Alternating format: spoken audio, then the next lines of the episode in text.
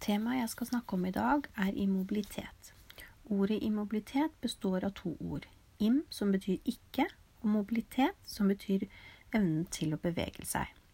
Så immobilitet betyr altså at man ikke har evne til å bevege seg. Og den evnen, eh, den forandrer seg jo med åra. Det kan være eh, at du på en måte har fått en skade at du kan ha brekt et ben f.eks., eller du kan ha en sykdom som gjør at du må ligge lenge i senga.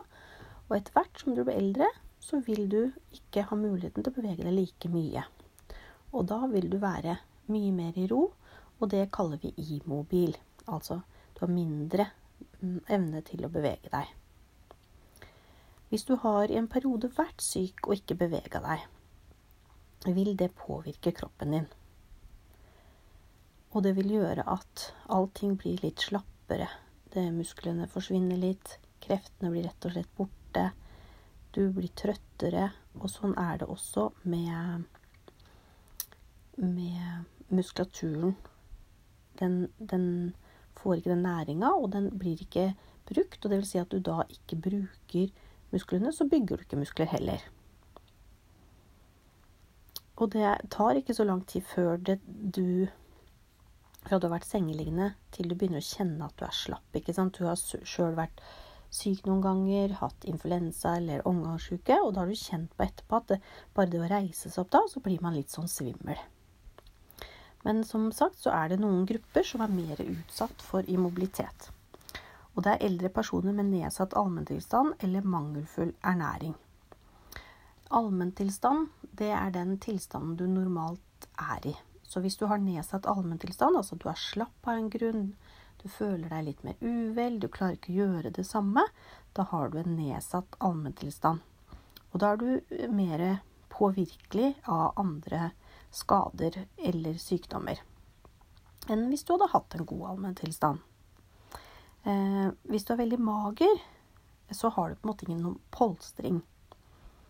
Eh, den, det Altså vi har noe som heter underhudsfett, og det beskytter oss uh, og gjør oss mer motstandsdyktige mot både sykdom og påvirkninger utenfra. Men det gjør oss også mer uh, motstandsdyktige mot trykksår. Andre grupper som er utsatt, er overvektige personer. Uh, det å være overvektig, de har en, en, en belastning på hele kroppen hele tiden. Det, det, å få blodet sendt rundt i hele kroppen når man er større, altså det er større område hvor du skal sende blodet rundt til. Og når du puster, så krever det også mer oksygen. Så hele tiden så jobber kroppen mye mer enn andre. Og derfor så krever det så mye av deg, og det er lettere for at du blir sittende lenge eh, over tid. Som påvirker sirkulasjonen din, og det påvirker pusten din. Og visse deler på kroppen blir utsatt for trykk.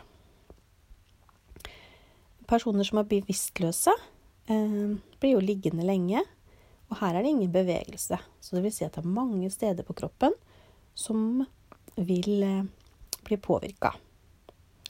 Personer som har nedsatt følelsessans, eh, de har nedsatt nervestimuli i fingrene eller andre steder, det vi kaller nevropati. De vil også eh, ikke ha samme bevegelse, og vil derfor være utsatt for komplikasjoner pga. immobilitet.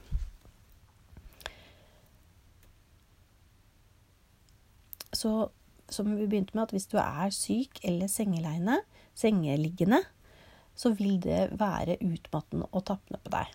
Og da er det tre ting det kan påvirke. Det er eliminasjon, blodsirkulasjon og åndedrett. Eliminasjon det er eh, det å kvitte seg med urin og avføring. Fordi er man sengeliggende, så har man ikke de samme kreftene, og man får på en måte ikke brukt muskelen på samme måte. Så derfor så blir det vanskeligere å fjerne. Blodsirkulasjon går saktere, fordi vi har ikke noe ordentlig eh, blodpump i gang. Vi vet at når vi går en tur eller vi trener, så setter vi i gang sirkulasjonssystemet. Men når du er sengeliggende, så går det saktere. Åndedrettet vårt Vi puster ikke så dypt ned i lungene som vi normalt ville gjort hvis dersom vi eh, hadde vært oppe. Og igjen så påvirker jo hvorfor vi er sengeliggende. Hva slags sykdom er det vi har? Er du ung, så vil du takle det her ganske godt. Men er du gammel, så vil du bli mer påvirka av sengeleie. Og så kommer det an på hvordan du var før du ble sengeliggende. Altså var du i god form, vil du komme deg mye fortere. Så det er viktig å holde seg i farta og trene godt. Men, og er du en person som er påvirka av livet, syns livet er tungt, er litt nedstemt, så er det også vanskeligere å komme seg. De gruppene som er utsatt for sengeleiekomplikasjoner eh, For vi er jo på en måte ikke Unge mennesker er ikke så utsatt for det, men vi blir slappere når vi er sengeliggende. Men mennesker som har da nedsatt allmenntilstand og mangelfull ernæring, eldre mennesker, de har på en måte gjort, oppstått flere endringer i kroppen som gjør at de er mottagelige. Det er magre mennesker, overvektige mennesker, mennesker med lammelser og bevisstløse. Komplikasjonene er det ganske mange av. Vi tar for oss noen, i boka står det flere. Men dem vi skal konsentrere oss om, det er trykksår, eh, altså decubitus på latin, det skal vi eh, gå inn på. Så har vi svekkelse av muskler, skjelett og feilstillinger i ledd, som kalles kontrakturer. Og vi kommer til å gå gjennom forstoppelse og blodpropp, nyresten, urinveisinfeksjon, lungebetennelse og psykiske problemer. Det som er viktig når vi har en bruker som er i den situasjonen at han er i fare for eller har fått en i, i mobilitetskomplikasjon, så må vi alltid samarbeide med brukeren. Det er brukeren som kjenner seg best sjøl. Den kan komme med god informasjon. Samtidig så er det viktig at du viser hvem du er. At du bruker deg selv på en måte som gjør at brukeren din føler trygghet og tillit til deg, ved at du har kunnskap at du har gode holdninger, at du viser empati, at du har evnen til å kommunisere som skaper den gode relasjonen. I tillegg så er det viktig at du vet hva du skal observere når du er hos pasienten. Du vet at her hos denne pasienten er det fare for immobilitetskomplikasjoner, og da må du tenke gjennom hvilke observasjoner er det viktig at jeg gjør. Når du skal rapportere dette, så skal du være kort og konkret og konsist. Akkurat det du har sett etter. Og den skal da være objektiv. Det vil si at det skal ikke være at du tror eller tenker eller har tolka det du har sett, men det skal være en konkret observasjon. Eller at pasienten gir uttrykk for noe. Eh, vi må også være opptatt av at vi hele tiden opprettholder en så god allmenntilstand som mulig.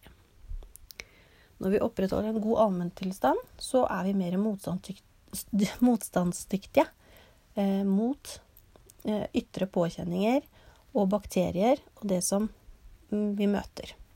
Så det er viktig at vi spiser godt, vi sover godt, eh, vi ikke er stressa, og vi prøver å trene litt innimellom. Og det er helt avhengig av hvem du er.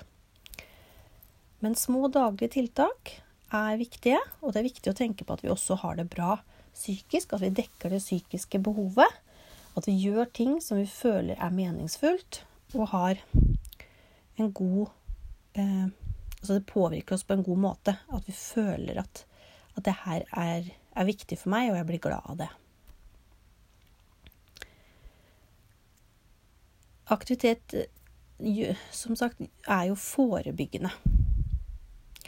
Og da har du muligheten til å utnytte situasjonen i daglige livet.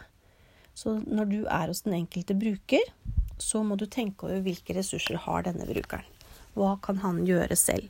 Og hvis dersom pasienten klarer å gjøre en del ting selv, eh, så uh, bruker vi da hans ressurser. Ressurser er det brukeren klarer. Og det gjør at brukeren får en mestringsevne.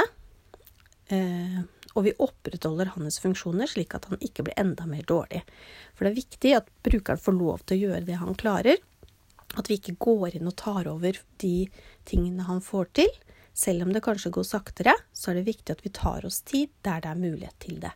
For de funksjonene han har, er godt både for brukeren og for oss at han opprettholder.